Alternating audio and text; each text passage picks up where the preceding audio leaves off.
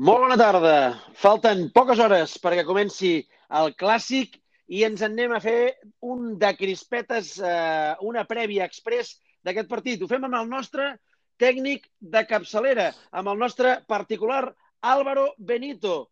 Però no tenim Álvaro Benito, tenim un altre eh, tècnic eh, incipient, tenim un altre exjugador de fi, de fi toc i que veu molt i molt bé el futbol, com va quedar comprovat la primera vegada que vam parlar.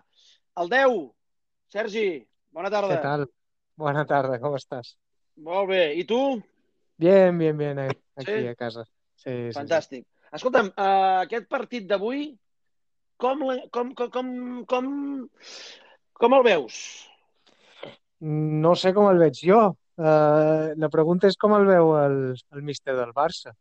No sé si, si serà atrevit, si tornarà a treure una alineació més tranquil·la o com li puguis dir. Eh, anava a dir una paraula però està lleig. Sí, més conservadora, no? Una mica més, més conservadora, eh? Sí, de lo que estava pensant, sí. Com a Nàpoles, no, no sé, no sé. Eh, Tinc molta curiositat per veure això. Uh, és, és la curiositat que tinc, perquè depenent d'una cosa o una altra sí que penso que pot sortir d'una manera o una altra. Veus opcions, eh, si, si decidís apostar per, per, eh, per ser mm, coherent amb les idees que ell va dir al principi que tenia i que els primers partits va demostrar que no anava de farol, eh, de jugar a, a, a, a lo cruifista per entendre'ns, d'anar pels partits, de, de jugar amb el 4-3-3, de, de mm, eh, mossegar a dalt i alhora doncs, de, de, de fer un joc de, de possessió. Eh, creus que amb aquest joc de possessió avui es pot guanyar el Bernabéu? Es podria guanyar el Bernabéu? Jo, crec, jo no crec que això hagi canviat. Sí, que- crec que ho ha fet sempre. El, el, la diferència ha estat en qui ha posat el camp per aplicar això que, que sí que han fet des del, des del començament. A veure, en un partit de futbol pot passar qualsevol cosa, amb el més passar qualsevol cosa, podem guanyar d'una manera o una altra, però sí que penso que hi ha més possibilitats si és atrevit i si vol anar a buscar el partit. Si intenta ser reactiu, encara que el seu joc mai ho, mai ho és, perquè no és, jugui qui jugui, sí que el Barça intenta tenir el pilot, intenta atacar eh, en la majoria de moments, intenta jugar a camp contrari, intenta robar a camp contrari. Això ho va fer també Nàpols. El que passa és que amb una alineació o una altra trobes més espais, trobes més velocitat de circulació i en segons quines altres alineacions pues, et costa molt més trobar aquests espais.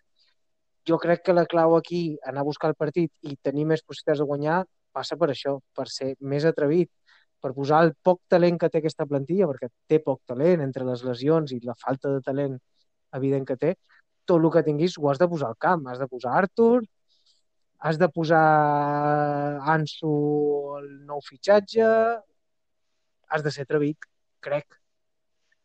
Poques opcions de que jugui Ansu Fati. Vols dir que no, avui?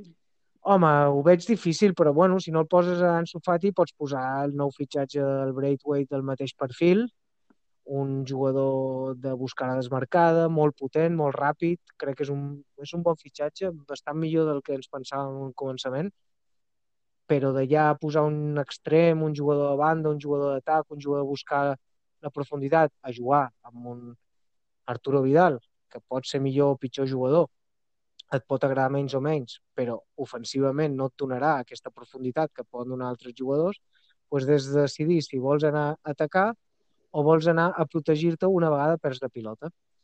I a Nàpols va passar això, va, va pensar en què passarà quan la perdem, què passarà si tal, en lloc de dir necessitem aquesta profunditat. A Nàpols no tenia l'opció del nou fitxatge, però ara sí que la té. Uh, creus que l'entrada de la hipotètica entrada de l'equip de Braithwaite, uh, que és com dius tu, que busca la profunditat, que es desmarca contínuament, pot beneficiar o perjudicar a un jugador com Griezmann, que també fa de, de les desmarcades i de, del joc en profunditat, uh, precisament amb aquest joc ha solucionat uh, o ha obert la llauna als últims partits. Li pot anar bé tenir un altre pot- jugador a banda que, que, que faci el que, el que Sí, ell ha vingut sí. fent? Jo crec que sí li pot anar bé, perquè el Griezmann no té la potència ni la velocitat que pot tenir aquest jugador. Llavors, el que fa Griezmann són desmarcades, diguéssim, més curtes, de 15 a 20 metres, desmarcades d'intel·ligència, de, de trobar l'esquena, però no, no pot tirar una desmarcada de, de 30 metres, perquè la pot tirar, però normalment l'enganxen per velocitat. Llavors, aquest moviment de Griezmann que obre espais, el que li pot anar molt bé és precisament el Braithwaite on l'Anso, quan ha jugat, que és obrir espais per trobar aquests espais per la profunditat d'aquests jugadors. I, I tu creus... Jo... Digues, digues, digues. digues. No, no, continua, continua. No, deia que, que al revés també li pot anar a Griezmann també perquè ara hi ha partits que és l'únic jugador de tot l'equip que, que fa desmarcades i clar, és molt més fàcil per la defensa contrària controlar només un jugador que va a l'espai a dos, tres o quatre, com ha arribat a tenir el Barça en altres moments. I tu creus que el Messi d'avui, el Messi, eh, li va més bé jugar amb, amb la carta Arturo Vidal a prop o amb dos tios desmarcant-se contínuament? bueno, Arturo Vidal és cert que Messi s'entén prou bé. Jo no sé què, què deu pensar Messi de si li agrada, perquè el Messi és un jugador que li agraden tots els jugadors que saben combinar amb ell i l'Arturo Vidal és veritat que és una cosa que, que fa bastant. Roba, roba bastantes pilotes, és un jugador de, i, i buscar ràpid el Messi i a més el troba, eh, el troba. El que penso que Messi ara mateix, avui per avui, a part de la seva part golejadora, una de les coses que millor fa és l'última passada quan tens jugadors que es desmarquen, lògicament tindrà més possibilitats per donar aquest últim passe i en aquests moments, sense el Suárez, que és un jugador que se desmarcava molt bé, no tenia quasi ningú. Griezmann, és veritat, jo no crec que sigui una qüestió de que no s'entenen, sinó que quan només hi ha un jugador està tot més protegit per la defensa contrària. Llavors, si crec que li pot anar millor eh, a Messi jugar amb dos, tres jugadors, amb Alba, que li anava molt bé, amb aquest Braithwaite o Ansu i en Griezmann que en jugadors com Arturo Vidal més que res perquè no tenen aquesta profunditat. Ara, potser li preguntes a Messi i et diu que no, no, que amb el Vidal, que cada vegada que la roba me les da a mi, que, que pot ser, és possible. Escolta'm, uh, uh, parlem, estem parlant molt darrerament d'aquestes últimes hores de qui acompanyarà Griezmann i, i Messi, que semblen indiscutibles, de qui, qui, quin dels de la mitja que s'asseurà, però segurament el que preocupa més a Quique Setién, i jo crec que amb raó de cara al clàssic, és la línia defensiva. Dos jugadors veterans que han tingut lesions, un de més gravetat que l'altre, que estan per jugar, que apretaran per jugar i que no sé jo si, si Setién els hi podrà dir que no. Creus que és bona idea sortir avui amb Piqué i Jordi Alba?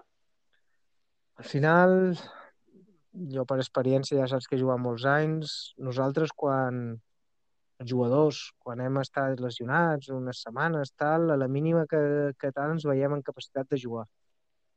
Per tant, és la feina de l'entrenador. Nosaltres no estem allà dintre. Si estan bé per jugar, ara mateix és que no tenen rival. És que realment, ara, a la mínima que et pot afectar en el joc, jo no sé com està Piqué. Jo crec que Piqué, que és una... Era, era el turmell, oi, el, el Piqué? Sí. El turmell és una lesió menys perillosa. Això és bandar-te, antiinflamatoris, i mira, surts a jugar i amb el joc t'olvides, si no ha estat una lesió molt greu. La part muscular del banc és, és més complicada, perquè els 20 minuts pots estar lesionat i, i canviar-te. Ara, jo és que no veig cap rival, Piqué és imprescindible. Una altra cosa és la planificació i si hauria de tenir un, un, un substitut allà dintre com Déu mana, però en aquest cas no és el cas. Per mi Piqué Imagina... sent des, dels millors centrals del món, sense cap dubte. I, ah, exacte, t'imagines que això passa a l'altre costat i no tindries cap dubte eh, que jugaria Sergio Ramos. I jo crec que, que no hi ha cap dubte que jugarà Piqué. De fet, Piqué, no, si recordes, si, si recordes, volia, volia tornar a entrar el dia del Nàpols mateix, sí, que estava fet. Eh? Jo crec que, Piqué jugarà sense, sense problemes, a més. Al final, una lesió turmell és més el mal que et fa, i això es supera amb l'adrenalina dels partits, la part muscular és més, és més perillosa i l'Alba, a més, és dels jugadors que, que molta, aquesta temporada mateix ha tornat i s'ha ha recaigut en el mateix partit perquè clarament mm, ha patit d'aquests temes. Jo no sé si posaré l'Alba, però s'ha d'estar allà dintre. Eh, les sensacions de jugadors són les que al final compten més.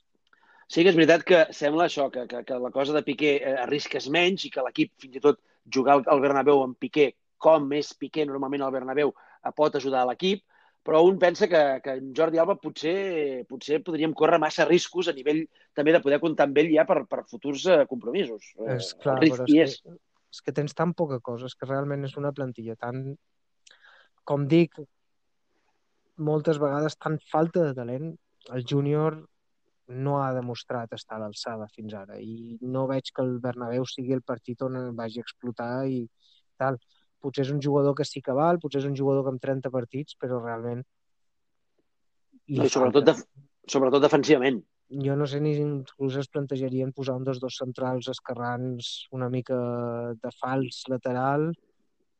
Si tens l'opció de fer l'amplitud profunda amb un dels extrems, en aquest cas amb Ansu o amb el Braithwaite, pots, podries tenir l'opció de jugar amb un lateral que no tingui que pujar tant a l'atac i protegir una mica i potser inclús l'opció Lenglet o un tití de lateral podria ser una opció. Però, però clar, a saber el que pensen allà dintre. I tu del Madrid què esperes avui? Què espero del Madrid? Pues espero el que està passant últimament, un equip que, que pressiona dalt, aquest any s'han posat a pressionar dalt, un equip que per qualitat individual dels jugadors en el centre del camp hi haurà moments del partit que jugarà i combinarà bé, perquè al final són bons jugadors, Isco, Kroos, Modric, Casemiro. Jo crec que és un equip mal treballat, tàcticament bastant fluix, però defensivament per físic i per intensitat i ofensivament per qualitat poden fer mal a qualsevol. Després es veu que quan els quan tàcticament els destrossen com l'altre dia són inferiors. Jo el Madrid sempre ho he opinat que crec que mai ha treballat prou la part d'entrenador, sempre...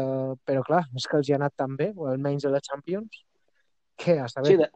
mentre tenien Cristiano semblava que no era important jugar bé, tenir un bon equip, sinó era important marcar, marcar, sí, bueno, marcar i marcar. Després han guanyat, han guanyat Champions quan jugava Suker i Mijatovic i quedaven quarts de Lliga amb tres centrals i Iván Ramos, Elguera, jo què sé, eh, Iván Ramos, perdona, Iván Campo, Elguera, sí, i ni me'n recordo qui. Tenen aquesta cosa que, que és veritat, tenen un, un ADN que li diuen que no m'encanta, però és veritat, són guanyadors i, i no els interessa tant segons quina part i tiren més d'èpica, d'intensitat, d'ambició, de tirar cap amunt, del Bernabéu i tal. Per això és molt complicat poques vegades he vist el Madrid ser superior tàcticament al Barça en els últims 15 anys que recordo. Realment superior ara. Ens han guanyat i ens han guanyat bé. I el partit d'anada van ser superiors van ser millors, al partit, van ser, van ser millors. millors. Sí, sí, per tant, sí. Pot passar, a més, quan es junten 4 o 5 jugadors que saben jugar, poden estar un minut amb la pilota i tu no, no olorar-la. Per tant, no crec que... Espero d'ells que ens vinguin a buscar dalt, espero que nosaltres intentem sortir des del darrere i depèn una mica de la inspiració de cada un. Jo per això espero tant que posi el màxim talent possible, perquè no és el mateix tenir l'Arthur enmig del camp, que tindrà la pilota, que no la perdrà, que el Rakitic. No és el mateix buscar la profunditat que buscar assegurar-se i protegir-se i a veure si no ens fa molt mal. Per això espero ca... ser valents. I, en canvi, el que ens temem, esperem que sigui valent, i ens temem el Rakitic, l'Arturo eh, i a l'equip de, bàsicament, a l'equip de, de Nàpols, no? Jo crec que avui hi haurà un canvi només. Bueno, sí? I el de l'Alba, bueno, el Piqué i l'Alba potser, eh? Jo parlo d'aquest canvi més filosòfic, que és que sí que entrarà Artur per Rakitic. Crec que seguirà Arturo Vidal, entraran un dels de l'Anso, el Braithwaite, els últims mitja hora, depèn com vagi la cosa.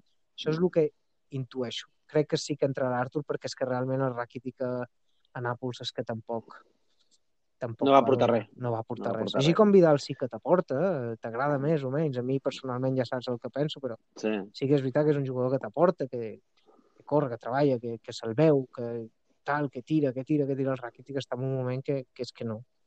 Ni, ni cap amunt, ni cap a dalt, és que no... I, ja si haguessis de... I si haguessis de fer un pronòstic pel partit? molt obert, no? Sí, realment, realment sí que és veritat que crec que pot passar qualsevol cosa. Um, crec que pot passar qualsevol cosa.